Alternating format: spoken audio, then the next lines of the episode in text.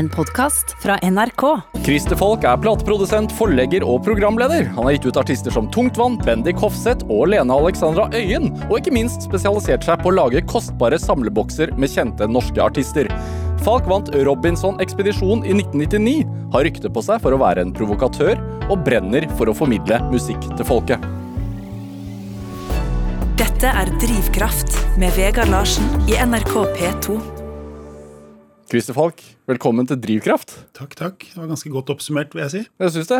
Lene Alexandra Øyen henger med deg. Ja, Én singel 2005. Den kommer til å være der for alltid. Det er det du blir husket for til slutt. Jeg vet. My boobs are okay. Ja. Nei. Men akkurat jeg, jeg kan stå for den, altså. Den er litt gøy. Ja. Men hvordan har du det? Er det? Har du det fint for tiden? Ja, jeg har det egentlig veldig greit. Altså. Jeg har jo aldri gjort og jobba så mye noen gang som etter korona. Jeg hadde liksom tenkt... I motsetning til folk flest? Ja, men folk jobber hjemmefra og liksom tar noen Teams-møter her og der. Og jeg snakker med folk. De fleste har det jo ganske sånn eh, makelig og greit. Og det var jo liksom planen min når, eh, når vi begynte med dette her en gang i tida. Så tenkte jeg åh, alt legges ned. Betyr det ingen festivaler, ingen konserter å arrangere? Og jeg hadde jo ganske mange ting på gang, da, så da tenkte jeg hm, det her kan jo bli en eh, en hy hyggelig sommer man kan bli litt kjent med familiemedlemmene sine. Og, sånt. og så fikk man jo en eh, idé, og så balla det på seg. Ja, koronarulling og eh, digital altså, Akkurat nå så er det digital jazzfestival på Sentralen i Oslo. Altså eh, Jazz på Sentralen, som det heter. Som er eh, egentlig en strømmetilgjengelig festival som er tilgjengelig i én måned.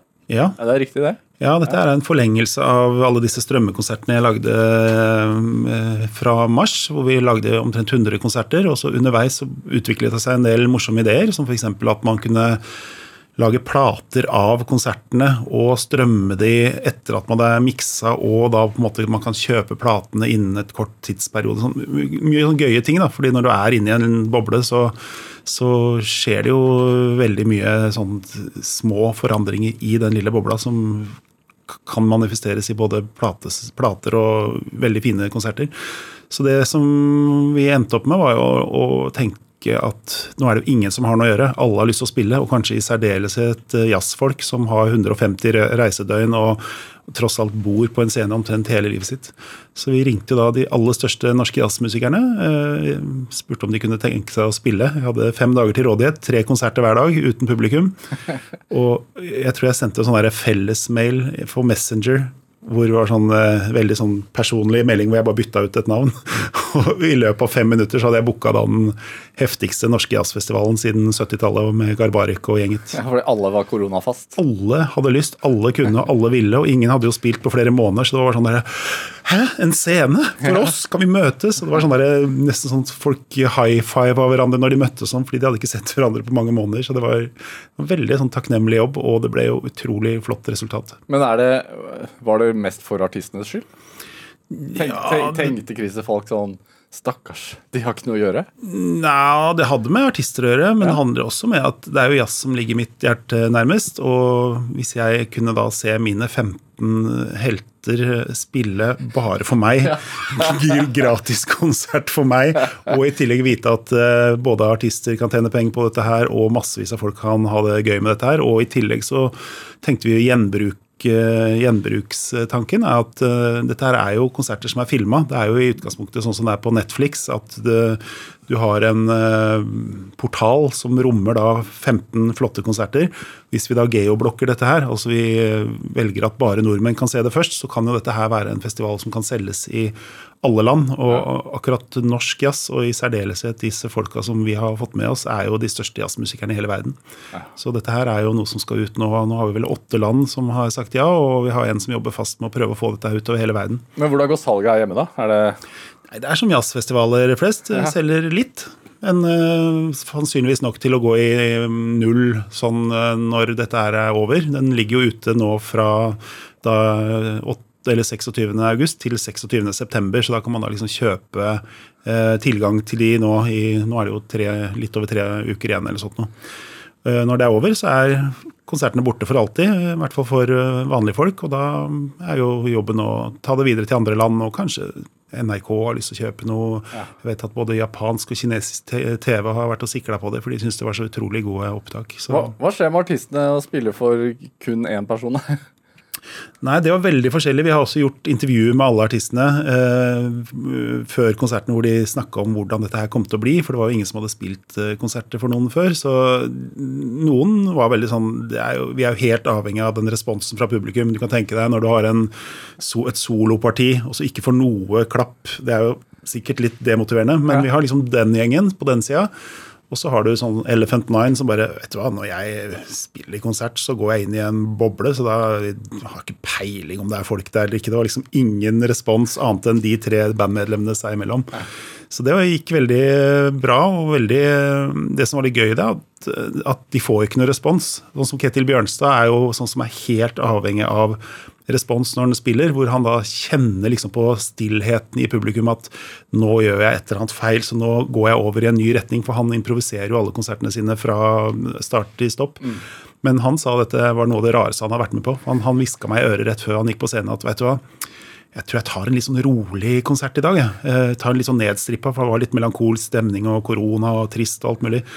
Og så fikk en så fot, fordi det flygelet nede på sentralen er et Steinway til 1,5 million kroner, så i løpet av konserten så fikk en så mye eh, friksjon i hendene og kjente liksom at tangentene jobba med en. Så på slutten av den konserten til Ketil Bjørnstad, så det koker rett og slett over for han. Er, og det er så bra. Jeg har aldri sett han spille så bra noen gang. Og er, da syns jeg det er litt gøy igjen. Som Arild Andersen også. som som liksom eh, Nå har vi ikke spilt på en stund, så nå vi, eh, koser vi oss litt. Og så til slutt så var det jo liksom hardcore bop, nesten. Så det var eh, det er ganske, ganske gøy å se at alle reagerte forskjellig på det. Men du sier jazz er det som ligger hjertet ditt nærmest. Det er litt ukjent, kanskje? Eller litt uventa? Ja, det er vel ikke Jazz er vel det som kanskje flest hører på, men ikke snakker så mye om, føler jeg. Det er sånn der, Eller å si du liker jazz, så er det sånn ja, ja, du gjør vel det. Og så er det vel ikke noe Det byr ikke opp legger ikke opp til så mye sånn mersnakk, da. Men, uh, er det fordi at folk ikke kan så mye om jazz, eller hva er grunnen til det, tror du? Ja, det er det også, men det er jo det at hvis du er veldig uh, glad i jazz, så kan du liksom Det er jo 50 forskjellige stilarter innen jazzen. Så folk ler jo av en annen som spiller jazz, egentlig som er like god å spille hvis man tenker rent teknisk. Og så kan det to sjangere som er sånn her Hæ, driver du med det? Og den andre sier Hæ, driver du med det? Så det er liksom den sånn litt sånn splittende sjanger, ja. kanskje. Men det er jo klart, på jazzfestivaler og sånn så har du jo hele spekteret, og da er det jo veldig sjelden at de som går og ser det gladjazzen går også å se på frijazzen på en måte, og sånn type ting. Så det er jo veldig sånn samlende, men også splittende publikum, publikum kanskje. Ja. Altså når, når, du sier at uh, du forhåpentligvis går i null Jeg føler at det er Det er ganske ofte du har prosjekter hvor du sier at ja, forhåpentligvis går jeg i null. Ja, Det er eneste målet mitt med Jeg har jo ting jeg skal tjene penger på, og det er jo på en måte litt på siden av, eh, av eh, Sånn når jeg gjør My Boobs Are OK med Lene Alexandra, så var ikke målet mitt å kanskje gå i null. Da hadde jeg tenkt at dette her gjør jeg fordi at jeg Eller gir ut quizbøker. Ja, quizbøker også. Det er liksom, det er jo horejobben min, på en måte. Det er jo der jeg skal tjene penger. Reise rundt og holder uh, quizer for firmaer og sånt. Det er ikke akkurat sånn man vil ha på gravsteinen sin, men eh, det er det som gjør at uh, ting går rundt. da. Og så er det alle disse, sånn som Bendik Hofseth, som jeg har en veldig veldig kjærlighet for uh, musikalsk, og har vært uh, musikalsk forelska i 30 år. Nesten manisk? Ja, han er nesten sykelig. Men, jeg har vært inne på Facebooken din. Altså, du, har, du, du er, er ikke rent lite Bendik Hofseth på tidslinja di?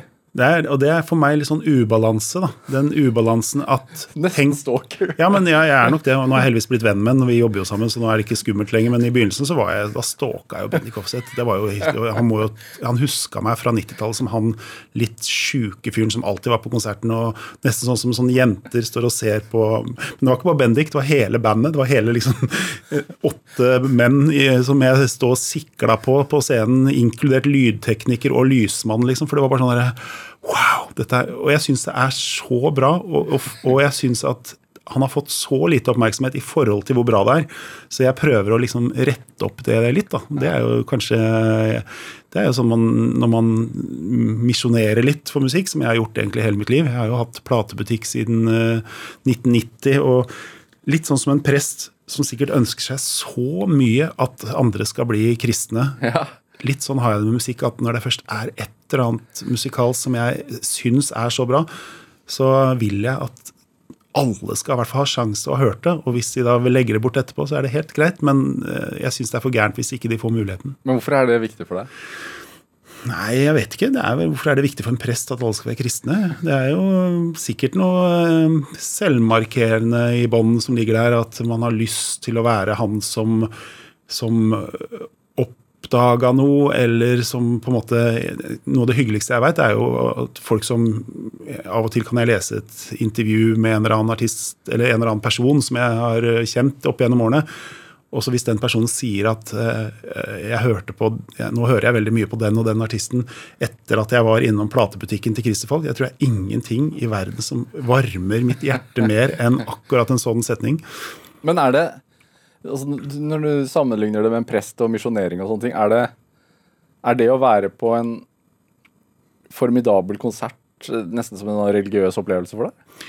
Ja, problemet er jo at man opp har opplevd så enormt mye bra at, uh, at man Det er ikke så ofte jeg er på konsert som på en måte gjør så stor inntrykk lenger som det gjorde kanskje på 90-tallet, hvor jeg var mest aktiv. Da, hvor jeg var på konsert tre-fire ganger i uka og syntes alt var spennende og alt var bra. Nå er det sånn en sjelden gang så får du sånn derre Wow, nå var det verdt igjen. Men jeg merker jo at uh, at det å være liksom så ihuga gæren eh, entusiast, det legger jo litt eh, hindre framover. fordi du får ikke sånne opplevelser. Det er som Magnus Carlsen, som sikkert kom over 1000 kneiker de første åra når han spilte sjakk, hvor det bare åh, å, nå skjønte han det, og nå skjønte han det. Men jeg tipper at det ikke er så mange kneiker Magnus Carlsen kommer over lenger, sånn når det kommer til sånne å liksom reoppfatte hva er egentlig sjakk. Og det er litt sånn jeg har med, med musikk, at jeg føler liksom at jeg har opplevd veldig mye. Så det jeg har lyst til å oppleve nå, er kanskje i like stor grad å lage opplevelser for andre, sånn at de kan oppleve det samme som jeg opplevde. Ja. Ja, Christer Falk er liksom musikkens Magnus Carlsen? Ja, faktisk tenker jeg at eh, så mange timer han har brukt eh, med sjakk, så tipper jeg jeg har brukt kanskje tre ganger så mye timer på musikk. Ja. Og, og, jeg er jo tre ganger så gammel. og du er litt sånn sjakkspiller også, er du ikke det? da? Jo, min, eh, min, natur så ligger det vel å sno seg fram. Men, men, altså, du har jo sagt flere ganger at uh, den og den konserten eller den og den plata fikk deg til å begynne å gråte. Ja. Er det bare noe man sier, eller er det faktisk, stemmer det? Har sikkert sagt det og ikke ment det òg. Det, sånn, det, er veldig sterkt hvis man skal selge et eller annet. Ja. Så bruker man kanskje gjerne det på, som en sånn salgs... Uh, metode. Men jeg har sittet på Kosmopolit og sett Anwar Brahem, en tunisisk od-spiller, eh, spille en konsert nesten bare for meg, for det var kanskje 30 mennesker i salen. Og jeg satt og strigrein fra første sekund. Så jeg har liksom noen sånne opplevelser som er sånn, Men ikke i nærheten av så mange ganger som jeg som du snakker sier. om. fordi vi diskuterte her litt ja, nei, på forhånd. Jeg, sånn. jeg, griner ikke bare. Jeg har, jeg, har slutta å grine. Jeg vet ikke hva det er for noe. Jeg har blitt en kald eh, fisk. Men eh, det er etter at hvis det skal være noe gråt nå, så må det være noe sånn Eh, barn eller noe sånt noe involvert. Sånn, At man blir rørt pga.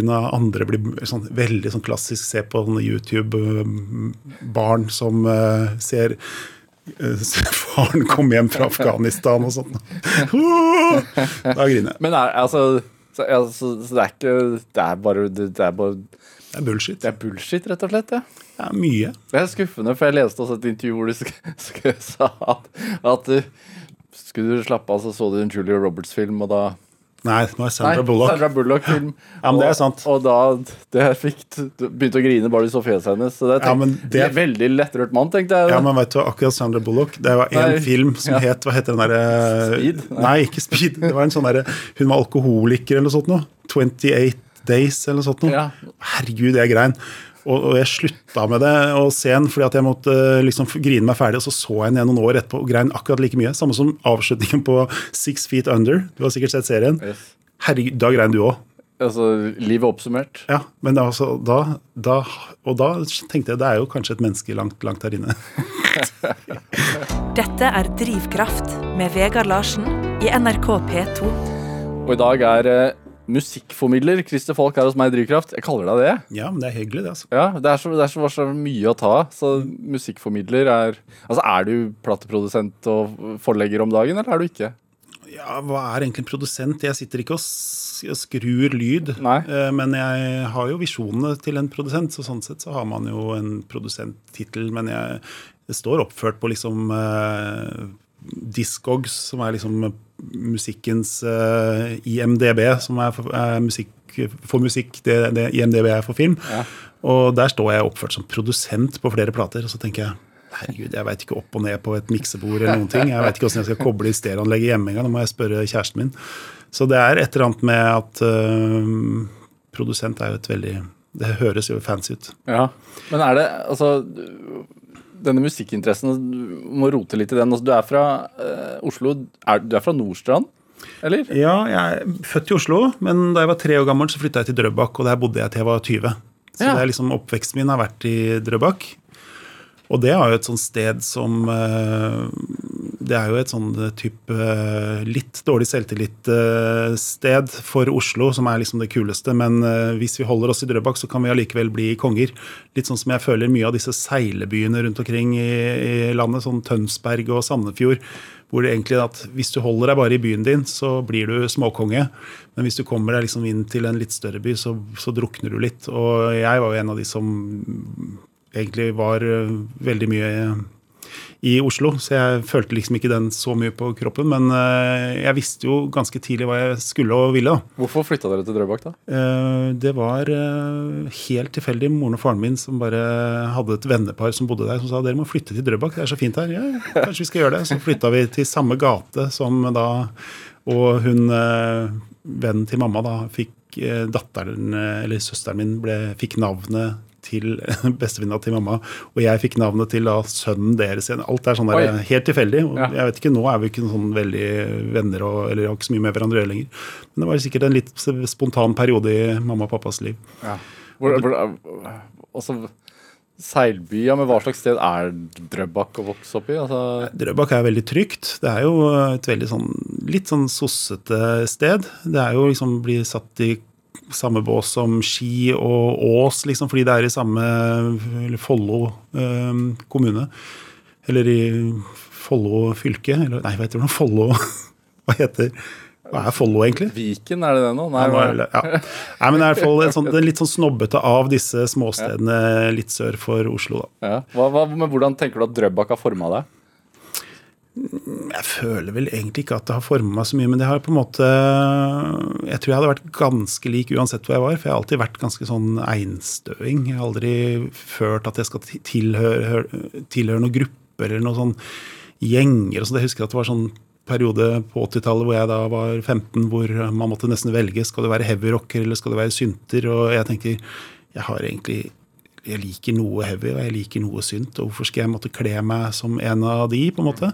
Selv om jeg hadde en periode hvor jeg både var rosa og hadde rare klær, så var jeg liksom aldri en sånn veldig opptatt av dette å skulle høre til noe sted. Jeg var nesten mer opptatt av å ikke skulle høre til noe sted. For jeg likte ikke tanken på å bli satt i bås. da. Det dummeste jeg visste om var sånne blitzere som alle kjøpte de samme klærne, og så nå er vi veldig individualistiske fordi vi har eh, høl på samme kne som alle andre har. Det er sånn, Du tenkte det som 15-åring? ja, Ja. Men jeg har alltid tenkt at jeg vil ikke høre til noe miljø.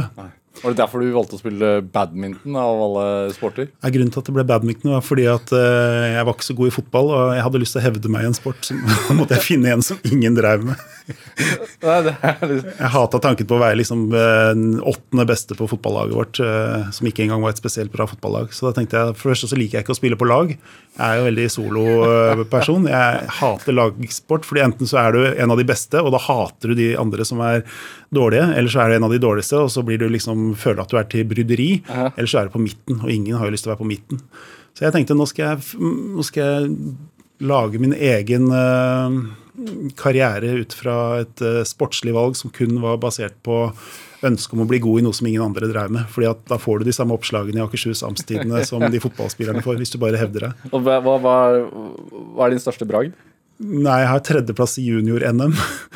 Og jeg har vært med i store mesterskap rundt omkring i, i Europa og sånt, men Er det sant? Tror du- Er det sant? Ja, ja. Men Ja. Det, det som er eh, Hadde dere badmintonbane i bakhagen, da? Eller i Drøbak? Nei, du må aldri spille på gress og sånt. Dette her er seriøst. Du vet at badminton er den, er den mest uh, spilte sporten i verden. Det er den Kina og Malaysia, Malaysia, Hele Thailand. Asia er det jo det aller største. ja, Danmark, veldig store. Der også. Og det som var trist, er at Norge er mye dårligere enn Sverige, som var mye dårligere enn Danmark, som var mye dårligere enn eh, Kina igjen. Så vi var fort vi kom ut av, ut av Norge, så fikk vi jo grisebank. Men den, denne selvstendigheten din, altså sånn ikke tre, Var du sånn allerede som veldig ung?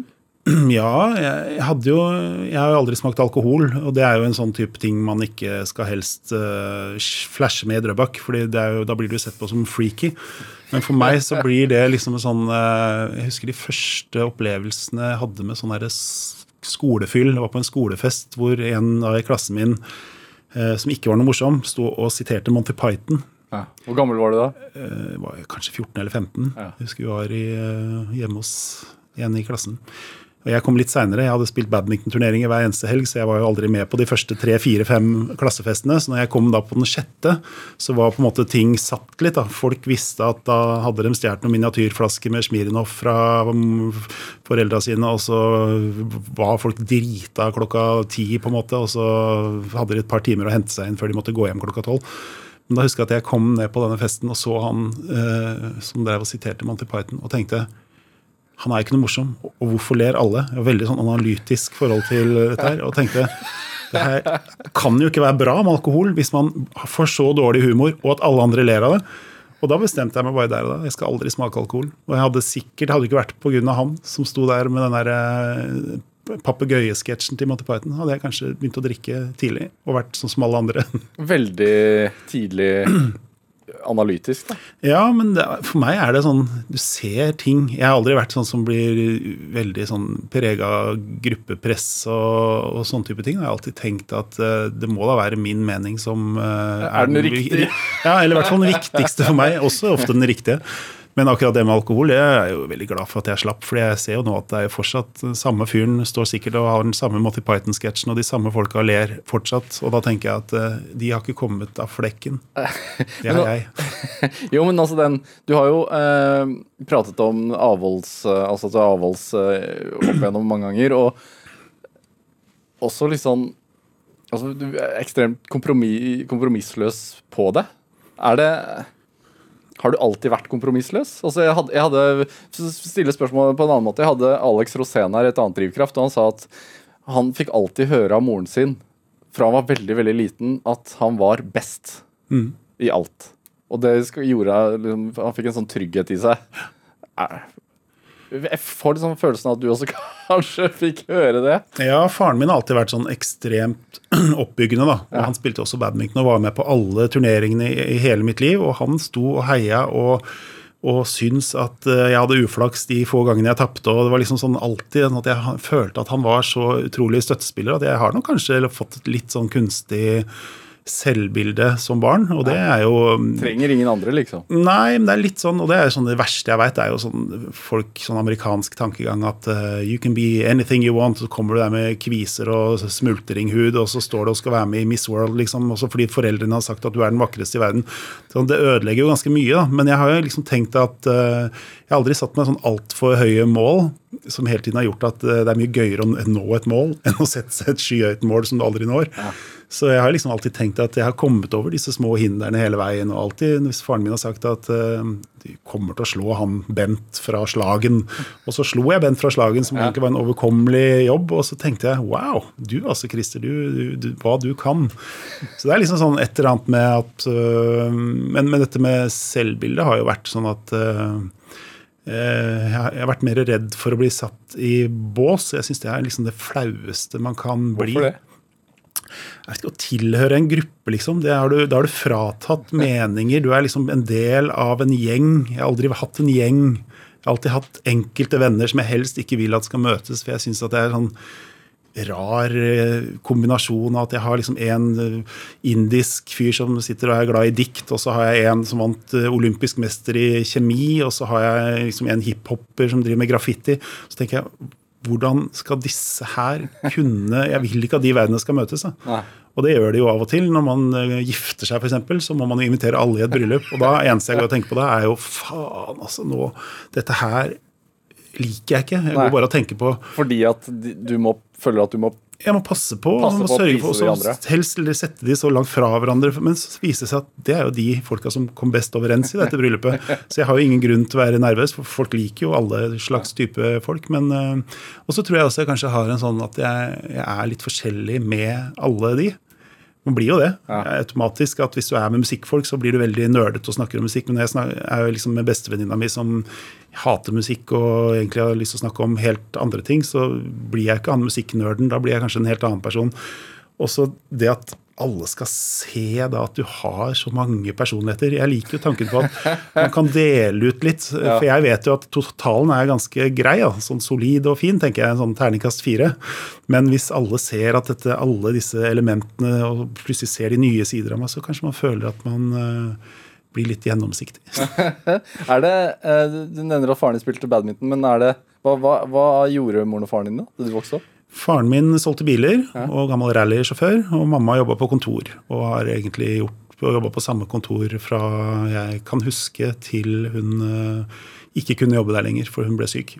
Er det eh, fra bilselgerpappa du har liksom plukket opp kremmegenet? Nei, vet du, Jeg er veldig lite kremmete. Det er problemet mitt. Eh, han- Men du er flink til å selge. Ja, jeg er glad i å selge, men jeg selger aldri så mye som jeg ønsker. Men uh, kremmer for meg er også sånn litt sånn negativ ladda ord, som jeg tenker at det er folk som går rundt og oppsøker dødsbo for å kjøpe en platesamling billig og så selge det dyrt, liksom. Hvis jeg kjøper noe, så er det ikke for å selge ting videre, det er for å beholde det, og jeg vil aldri liksom lurt noen for penger. Det er liksom Det er også sånn ganske bakt inn fra jeg var liten. Faren min sa at du skal aldri låne penger av noen. Det er en uting å låne penger. Hvis du trenger penger, så kommer du til meg. Og det husker jeg så tydelig at eh, jeg har aldri vært blakk i hele mitt liv, men jeg hadde én gang, ganske tidlig når jeg hadde platebutikk, hvor jeg ikke hadde penger på privatkontoen, og lønn skulle komme litt Alt var sånn, Plutselig var det sånn Shit, jeg kan ikke gå ut og gjøre den tingen som jeg hadde lyst til, som koster 2000 kroner eller noe. Og for meg var det helt sånn derre jeg kan ikke ringe noen venner, og for faren min har jeg sagt, og så tenkte jeg nå kan jeg ringe pappa, liksom. Jeg vet at han hadde selvfølgelig gitt meg de 2000 kroner eller hva det var for noe øh, på rappen, men så tenkte jeg her blir jeg heller hjemme. Og jeg- det hadde vært sånn der skamfullt for meg å låne noe, eller liksom krite og sånn. Det, det er veldig sånn Der er jeg nok kanskje litt, opp, litt i overkant veloppdratt. Uh. Så når VG og sånn skriver at uh, du har gått i minus og sånn, så går det litt ekstra inn på deg?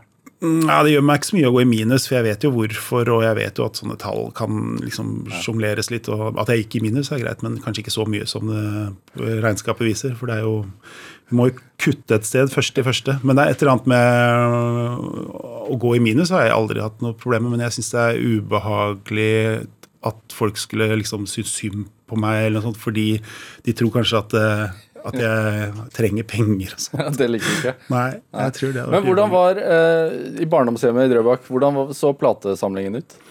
Den ble bare større og større. Jeg, Altså, tenker på dine foreldres. Nei, ja, den var ganske slunken. Faren min jobba jo med biler, og han hadde noen venner i Philips, det gamle plateselskapet. Og der var det sånn at hvis faren min eh, fiksa en bil eller et eller annet sånt noe på det eh, stedet han jobba, så eh, var det ikke alltid nødvendigvis man måtte betale i kontant. Og da var jo naturalhusholdning og plater er jo fint. eh, Så han kom jo hjem i hvert fall en gang i måneden eller annenhver måned med liksom en god bunke med plater. Og da tenkte jeg ikke på dette i begynnelsen med at eh, det var noe som het smak. Det var bare musikk. Oi, spennende. Og da hadde du liksom radio, eller eh, Og jeg hørte mye på Radio Luxembourg på kvelden og Norsktoppen og var helt sånn nerd og lagde statistikk og lurte på hvem som skulle inn og ut og sånt noe. Men da, da var liksom dette med mm, at du kunne sette på en helt ny plate en helt ny artist, og som regel fikk han sikkert ikke de beste platene heller. For det er jo sånn når de skal dele ut promoplater, så er det liksom det som blir igjen. Men jeg husker at eh, jeg, husker, jeg kan nesten alle de platene eh, helt utenat. Eh, Jeg spilte liksom plater i stykker, da. Selv om det ikke nødvendigvis var helt min smak alltid, så var det allikevel sånn Shit, dette var nytt, dette var spennende. Hva var det som åpenbarte seg? da? første som åpenbarte seg, det var før jeg egentlig var klar over det, men det var jo at de fikk en plate med Miriam Makeba, en sørafrikansk dame som har en plate som heter Patapata. Pata. Og den ble jeg så hekta på at uh, da jeg var liten, sånn to år eller noe sånt, så sto jeg og, på platespilleren, eller sto på en krakk for å sette på den på begynnelsen, og hørte side én. Og med en gang jeg var ferdig, løp jeg tilbake og satte på side uh, A igjen. Og satt på Jeg kan liksom hele side A på Miriam Makeba Patapata 100% utenat. Jeg kan hver afrikanske lyd som kommer ut av munnen hennes. Jeg aner ikke hva hun synger om. Men du kan, du kan... jeg kan swahili. Ja. Men problemet er at uh, når du snur plata Kan jeg, jeg, kan jeg utfordre deg på dette? du, du kan godt gjøre det, men jeg vet ikke, nei, jeg vet ikke hva hun sier. Altså, jeg har ikke peiling. Nei, men, men, hva, hva? Du, jeg, tror ikke, jeg tror ikke jeg skal Nå gå skal jeg høre her. Nå er det... Nei, Hvis du hadde satt på plata, så skulle jeg sunget med. Ja. Men greia var at uh, jeg kjøpte CD-en mange år etterpå når jeg hadde butikk. For jeg tenkte at dette var et godt minne. Så satte jeg på plata og sto i butikken og tenkte wow, jeg kan hvert ord hun synger. Helt til midten av plata av CD-en, og så kom det en sang jeg aldri hadde hørt før. Jeg hadde bare hørt på A-sida på plata. Så, så jeg var helt sånn manisk opptatt av den ene plata. Da. Men det var jo liksom, der oppdaga vi jo country, der oppdaga vi litt uh, soul-ting. Det var en Beatles-plate innimellom uh, som uh, George Harrison, husker jeg, og fikk masse sånne eight tracks og sånt noe. Ja. Som jeg også fikk min første hjemmeanlegg. Det var en 8-track bilstereo som faren min monterte ved siden av senga mi, hvor jeg hadde bilhøyttalere over senga. Så, så all musikk var greit?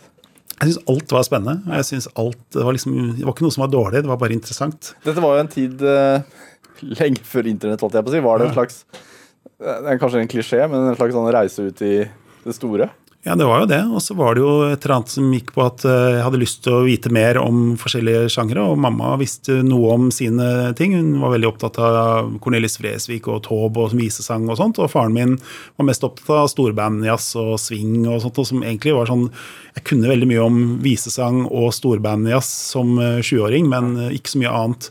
Og så begynte man å liksom finne folk som hadde litt peiling. Altså, du er jo så opptatt, du burde høre på dette her, og så, burde, og fikk jeg liksom stadig vekk gjorde sånne nyoppdagelser. Og det er jo sikkert derfor jeg er så glad i lister. og sånt nå. Jeg elsker å lage sånn topplister på de 50 eller 500 beste countryplatene fra 1974 og sånn type ting. Det som er morsomt nå, er at hvis jeg nå uh, møter noen som jeg har uh, liksom troa på musikalsk, som jeg tenker du må ha god smak siden du liker den og den og den, så er jo nesten det aller beste jeg kunne fått av den personen, er en topp 50-liste over de 50 platene han eller hun liker best. Er det, er det litt sånn at det er liksom konkurranse involvert når man er så musikkinteressert? Ja, veldig. Jeg har jo masse Det, det verste jeg visste om, i hvert fall kanskje spesielt når jeg sto i butikk, det var jo at noen kom inn og spurte om noe jeg ikke hadde hørt om. Ja. Jeg kjente jeg ble helt sånn rød og varm i bakhuet, hvor jeg tenkte hvordan skal jeg kunne finne ut av det i den boka som ligger under diskografiboka, det var før internett, og kan han gå rundt i butikken mens jeg kaster meg over den boka og leser om Front 242 fra Belgia og hva vokalisten het, liksom sånn type ting. da. Så det er en sånn selvhøytidelighet som er nesten uh, farlig, vet du. Blir, ser man ned på folk som ikke har showpeil peil òg? Ja, eller man ser i hvert fall Jeg tror ikke jeg ser ned på folk som ikke har peiling, for det er ikke så mange som bruker så mye tid på musikk som det jeg gjør, men jeg tror at hvis du hadde gitt en person eh, mine ti favorittplater og ti eh, plater med svensktopp og liksom gammel pop, et eller annet sånt, sånt som jeg ikke nødvendigvis syns er så stas. Og hvis de da hadde liksom plukka fram de ti som eh, de beste, så tror jeg ville tenkt du kan ikke være så jævlig smart. kan si det. Ja, Det er opp til deg å si Ja. det. Eh, Falk, du har med litt musikk til meg. Du har med en eh, David Sylvian-låt. Eh, Det er 1. september i dag, og låten heter 'September'. Men det er en låt som, Ja, er, som gjorde deg litt flau, var det ikke det? det er en, i hvert fall en sang som illustrerer min selvhøytidelighet. For jeg var jo ganske opptatt av Japan på 80-tallet. Det var jo det bandet David Sylvian spilte i. Og så ga David Sylvian ut en soloplate eh, som het Gone to Earth, som jeg syns var ganske bra, men eh, kanskje ikke noe sånn enormt. Og så gikk jeg litt videre i livet. Og fem år etterpå, eller fire år etterpå så starta jeg eh, platebutikk. Eh, og da var det en kar der som het Christer, som også har vært veldig viktig i mitt musikalske liv. Christer og Christer. Christer og Christer, og vi starta plateselskapet C pluss C Records. Og han kom fra hardrock-verden, men også hadde veldig sånn gode, melankolske, triste ting som jeg ofte ender opp med å høre på. Jeg er jo egentlig en ganske glad fyr, men jeg hører veldig mye på trist musikk, sikkert fordi at det får meg til å føle meg bedre.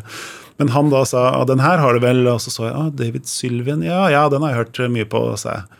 Og så ser jo han da på blikket mitt at jeg er litt ute og flagrer, for han har sett meg stå og ljuge til kunder og prøve å liksom late som jeg har mer peiling enn jeg har på, i mange år. Og så setter han på da denne plata, og så får jeg bare en sånn derre Apropos det å ikke gråte, men kunne ha grått hvis jeg hadde hatt evnen til å gråte-følelse.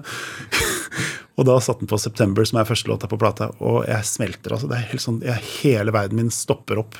Det er, det er en låt som varer litt bitte litt over et minutt. Og, og du skrev til meg fordi jeg ba deg plukket en sang, og du skrev til meg at dette er det vakreste minuttet. Hvorfor er det det? Det er stemningen og sikkert akkurat måten jeg hørte det på. Vi sto i butikken en morgen før kunder kom inn, og vi hadde et veldig bra anlegg i butikken, og så får du musikk servert på en sånn eh, ufrivillig måte hvor du egentlig er veldig interessert å høre, men du skal spille nonchalant, og så skal du Ja, ja, en av favorittplatene mine, det, eller et eller annet sånt nå, så Jeg har hørt mye i 1987, men jeg hadde ikke hørt, no, jeg hadde ikke hørt den i det hele tatt. Hva gjør det med deg når du altså, altså det, er, det er en melankolsk låt. Ja, det er veldig. Og så blir du liksom avkledd. Kanskje det er en sånn god avkledning. Da, at du ja. står der og er naken og strippa, og, og, du hører noe av det vakreste du har hørt i ditt liv. Nå har vi lada av denne sangen her veldig godt, ja, jeg, Vegard. Skal vi ta den? Ja, vi tar den. The sun shines high above The sounds of laughter The birds swoop down upon the crosses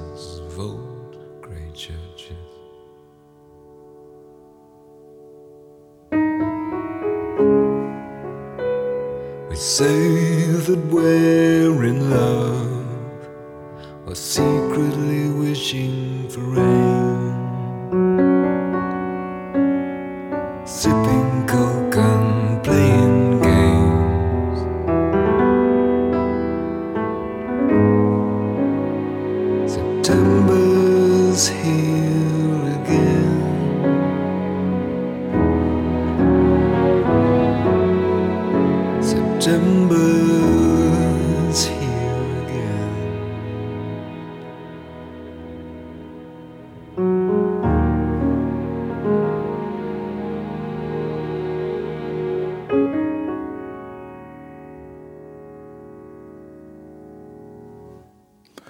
Du fikk eh, David Sylvian med 'September', valgt av dagens gjest her i Drivkraft på NRK P2, nemlig Christer Falk.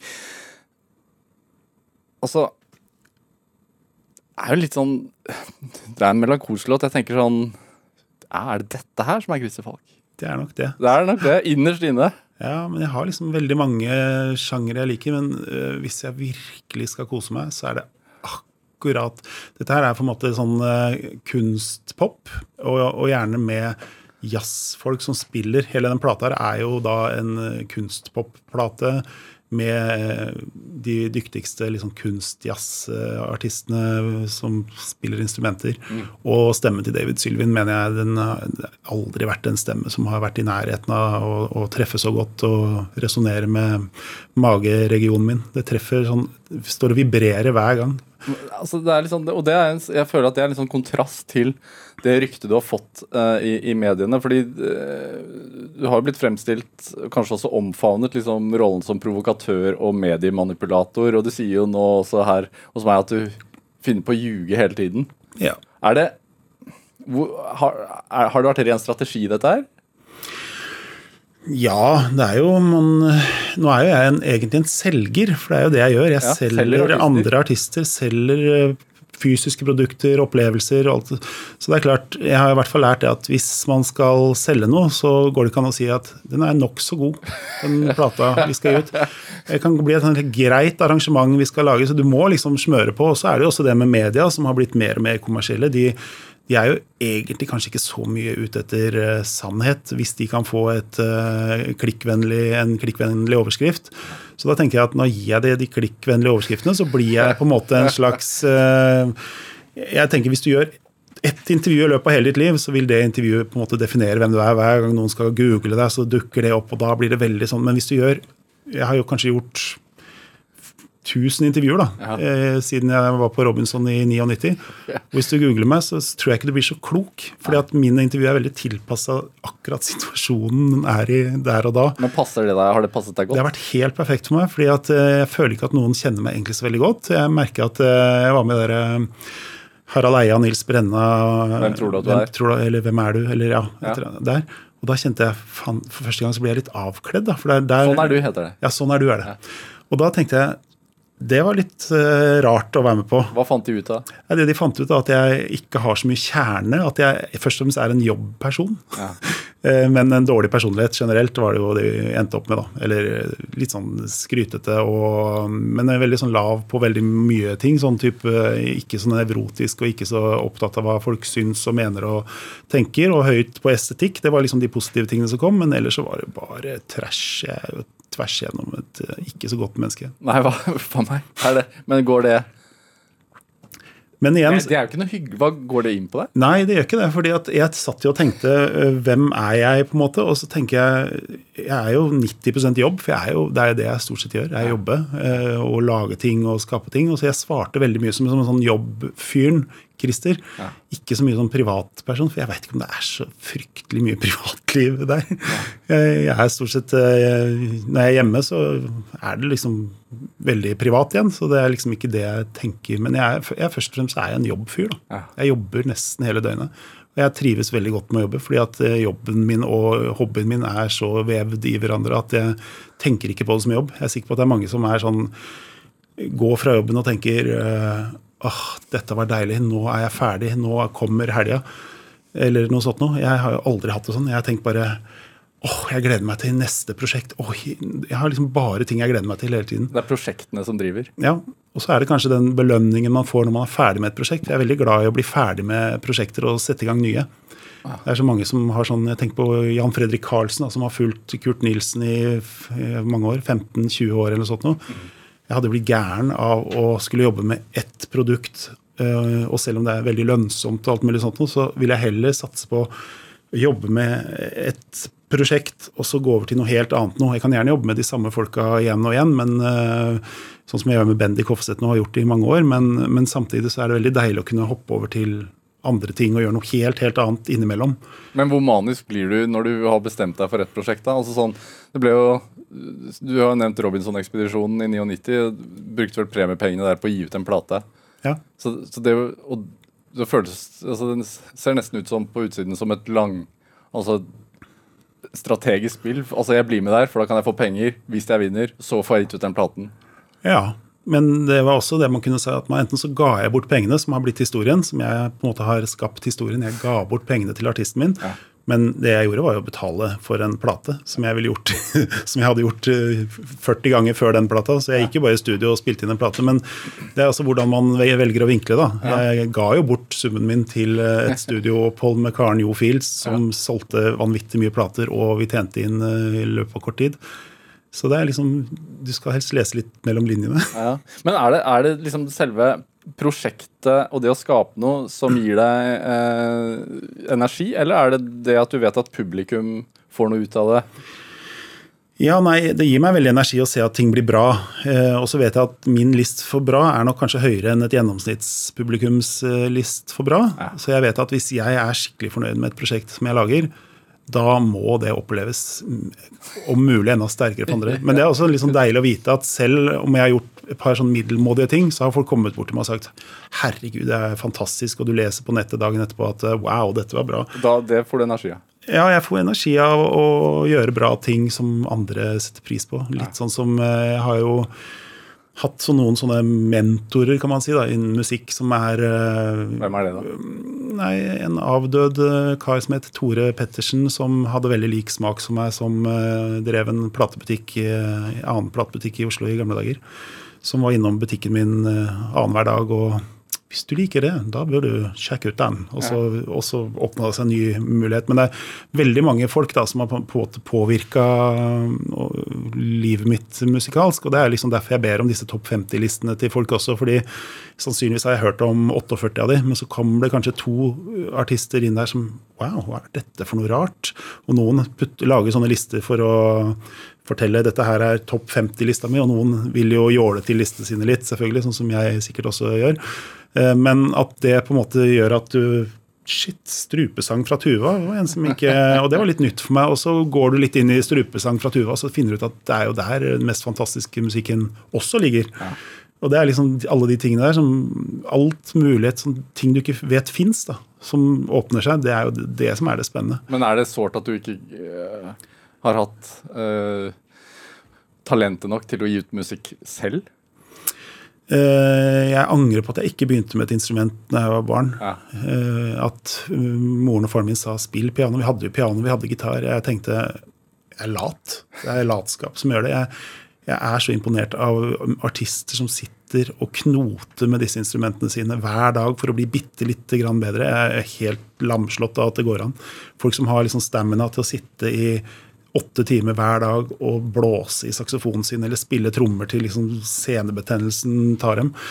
Um, så, men jeg ga jo ut en plate en gang. da, Jeg sang. Ja. Det, det var ikke noe fin opplevelse. Det var helt jævlig. Jeg hadde én konsert. Eller jeg har sunget to ganger offentlig. Jeg kan synge faktisk ganske ålreit, men uh, i forhold til de som er gode, så er det ikke bra nok. Og det merka jeg mens jeg sto på scenen. Vi toppa en festival på Head-On, en sånn gammel klubb i Oslo, hvor jeg da skulle være vokalist i dette hovedbandet på denne funkfestivalen. Vi spilte sånn jævlig funk. Sånn derre Jamiroquai møter George Michael med litt sånn svarte Vi var de hviteste funkfolka i verden. Baba Nation er vel et sånt band Når som var det kanskje her? Når var det 93 eller noe sånt? Jeg skulle ønske vi hadde det. Ja, du? Men den fins ikke, for jeg ga ut en plate, og den tror jeg har knust alle som fins. Og hvis noen har den hjemme hos noen, så knekker jeg det. Jeg har til og med en avtale med platebutikken i Oslo, bruktbutikken, at hvis du får inn en, så skal hun filme at hun knekker den, så vippser jeg henne 250 kroner. Så den fins ikke. Men hva skjer med deg på scenen, da? Nei, det som skjedde er at vi hadde da øvd og hadde masse selvtillit på øving. Jeg sto og strutta virkelig av selvtillit og syns jeg var skikkelig bra og syns bandet var skikkelig kult. Og så kommer vi da eh, på scenen sånn tolv-halv ett om natta på head-on og helt smekkfullt. Og så kjenner jeg bare at Hvorfor gjør jeg dette her, da? Altså, Jeg kan jo musikk. Dette bare besudler alt. Jeg vet jo at ikke vi er i liksom. Vi kalte oss for The Stone Family, og basert på Sly and the Family Stone.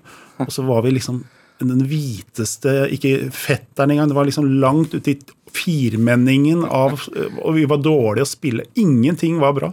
Så i løpet av dette settet, som skulle være på ti sanger, så lagde, gjorde vi tre sanger, og så sa jeg til bandet at uh, jeg fikser ikke. Og så gikk jeg. Det var bedre å pushe andre ting. Ja, Så da slutta vi.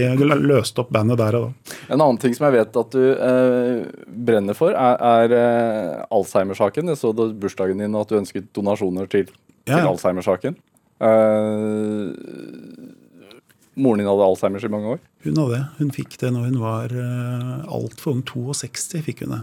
Og det er jo, det er jo helt ko-ko. Hun har jo liksom vært uh, idrettsleder og treneren min i fotball og liksom vært helt sånn der eh, hyper. Plutselig en dag så så var det vel en nabo som ringte og sa du, det er et eller annet eh, med moren din nå, du må nesten eh, ta en tur ut dit. Og da kom vi, kjørte jeg ut til Moss, nei til Ås, ikke Moss, men Ås, hvor hun bodde. Eh, Og så ble hun forbanna, liksom, fordi at eh, nå har hun vært på jobben. og Det var klokka ni på kvelden. eller sånt. Nå har hun vært på jobben tre ganger, der kommer jo faderen ikke folk dit. Og så sier jeg, "Men klokka er ni på kvelden. Ja ja, ni på kvelden med her og ni på kvelden med der. Det er i hvert fall ikke mennesker på jobben. Så jeg, skal dere møtes på jobben klokka ni på kvelden? Og det første som ryker i Alzheimer, er jo tidsbegrepet. Det er jo i hvert fall veldig vanlig at det er eh, Når folk begynner å rote med tid, så er det et sånn dårlig tegn. Så hun trodde at klokka var eh, åtte om morgenen når hun var på jobb til vanlig. Det kom ikke et menneske der, og dro tilbake igjen. Oi. Og det var jo sånn der vi satt Men mamma, herregud, klokka er jo ni på kvelden. Ja. Og så ja, ja, haha, så lo hun bare bort, og så ble vi litt sånn Ok, det har vel bare rota litt, da. Og så spurte jeg liksom med klokka, og så så hun på klokka si, klarte ikke å lese og lata som hun ikke hadde briller. Så skjønte jeg at moderen kan ikke klokka lenger. Og det var liksom da vi oppdaga det. Og hun var egentlig sånn litt sånn surete, men ikke noe annet enn sånn morsomt surete og lode bort. på en måte. Og det er jo liksom når du er tett på folk, da ser du ikke de tingene som kanskje andre oppdager. Og da tok vi kontakt med jobben hennes, som sa at hun hadde hadde begynt å rote veldig mye, så hun har blitt satt til litt enklere oppgaver. Eh, og da også husker jeg at hun hadde sagt eh, noen dager før at hun hadde puncha ut en ordre. Det var en sånn kontor som solgte store kvantum ting til eh, Rema og Rimi og alt mulig sånt noe. Så hadde hun da glemt å putte på moms. Som gjorde at de hadde fått en pris på et, boksemat eller sjampinjong eller hva det var for noe, som hadde vært så billig at de hadde da kjøpt eh, omtrent eh, 50 paller, da, som gjorde at firmaet hennes tapte ganske mye penger. Og da ble hun liksom satt vekk fra det til nesten å slikke på frimerker, fordi de skjønte at eh, dette her har pågått en stund. Da. Og det er jo de, det er da man merker liksom, liksom, sånn daglig gjøremål, ikke når du besøker mamma annenhver uke og hun lager middag. Og så skjønte vi jo at dette gikk gærent, og så var vi på øh, hukommelsesklinikken, og det tror jeg faktisk er det verste opplevelsen jeg har hatt i hele mitt liv. Hva er dette for noe? Det er et sted på Ullevål sykehus hvor du går inn, og mamma skal da teste hjernen sin og sjekke om hun greier å på en måte få ting til å henge sammen. da. Putte egentlig sånn firkanta klosser i firkanta hull og trekant. Det er egentlig for å se hvordan hjernen fungerer. Og hun klarte jo ingenting og syntes at oppgaven var helt idiotiske. Og så sa jo da legen at enten så har hun øh, øh, Alzheimer, som vi tror, eller så kan det være en svulst. De skal sjekke om, om det kan være noe svulst der. Og da fikk jo mamma vite om det. At enten så var det det ene eller det andre. Så da legen kom med resultatet, vi kom dit, øh, var jo hele familien samla.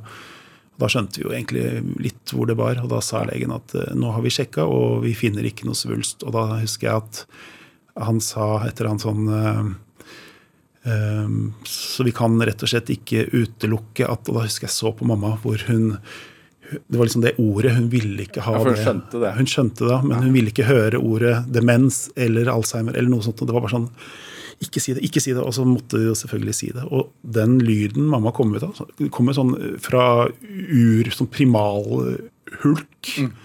Og fy faderen, altså. Det merker jeg til og med nå når jeg prater om det. Det er ekkelt. Er det Er det et sånn veldig saktegående farvel, liksom?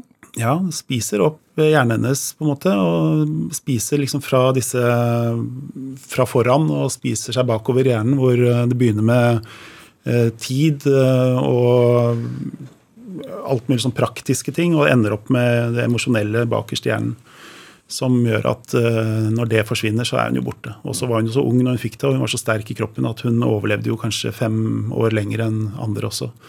Så det å liksom besøke de fem Vi sa vel egentlig farvel til mamma liksom før hun forsvant ut i den tåka på slutten. Eh, Men allikevel så er man jo på besøk og mest for sin egen del for å tenke at eh, man må gjøre det for samvittigheten, men det er jo, du får jo ikke noe respons. du får ikke noe det er jo ikke noe, noe å hente på noen som helst måte. Jeg husker Det aller siste livstegnet jeg så til mamma, det var etter at hun hadde forsvunnet litt ut i musikken.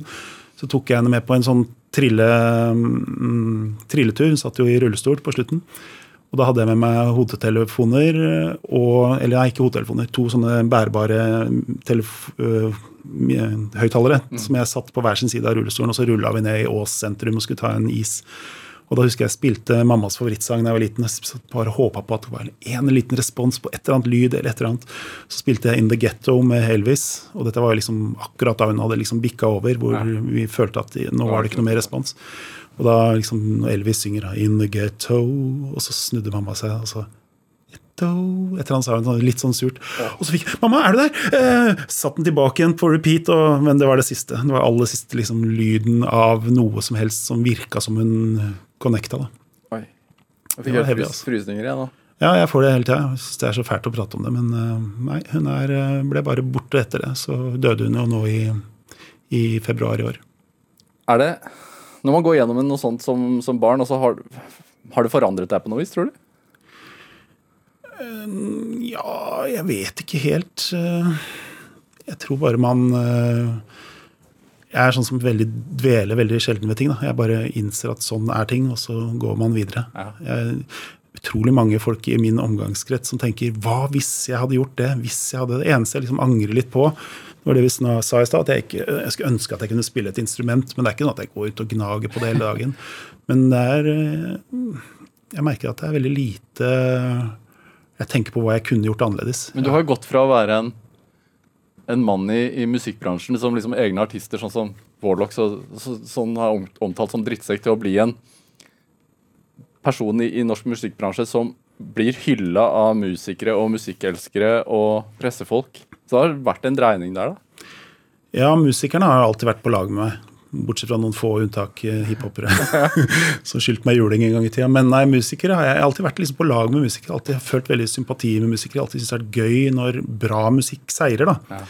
Uh, pressen har jeg vel hatt sånn uh, delvis uh, på min side og ikke, men jeg har nok venner i pressen og nok som, som liker det jeg gjør, til at jeg føler at jeg er i pluss. Men det er klart, jeg har jo det er jo klart Når man ikke er så opptatt av sannhet, f.eks., eh, så får man seg noen uvenner i pressen ofte. Det er jo sånn når man Jeg vet ikke. Jeg tenker at når jeg gjør et intervju med en avis, og så kommer ikke det på trykk som jeg føler var der hvor jeg var, så tenker jeg hvorfor skal jeg føle en eller annen eh, Hvorfor skal jeg føle et ansvar for at den personen skal eh, komme godt ut av det i neste runde?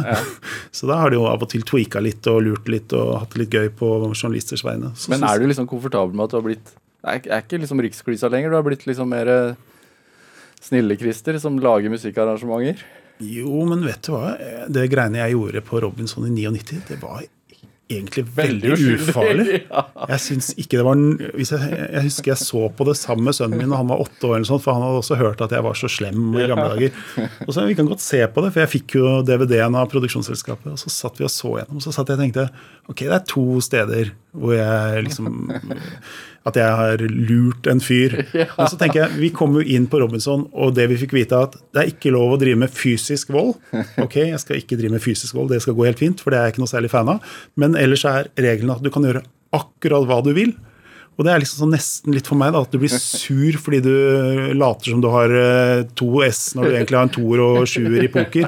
Og jeg tenker sånn Det her er jo en del av spillet. Det er jo at vi skal kunne gjøre akkurat hva vi vil, bare vi ikke driver med fysisk vold. Så det at jeg liksom eh, splitta, herska, skremte og satt ut rykter og Alt det er liksom bare akkurat det spillet handler om. da. Så for meg var det liksom ikke noe farlig. En time går fort, Christer Falk. Veldig kort. Drivkraften din, kan du oppsummere det med en setning?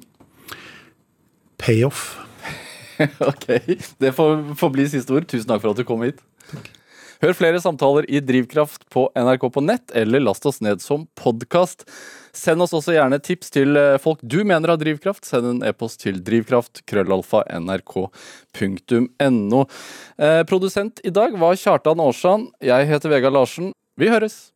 Du har hørt en podkast fra NRK. Hør flere podkaster og din NRK-kanal i appen NRK Radio.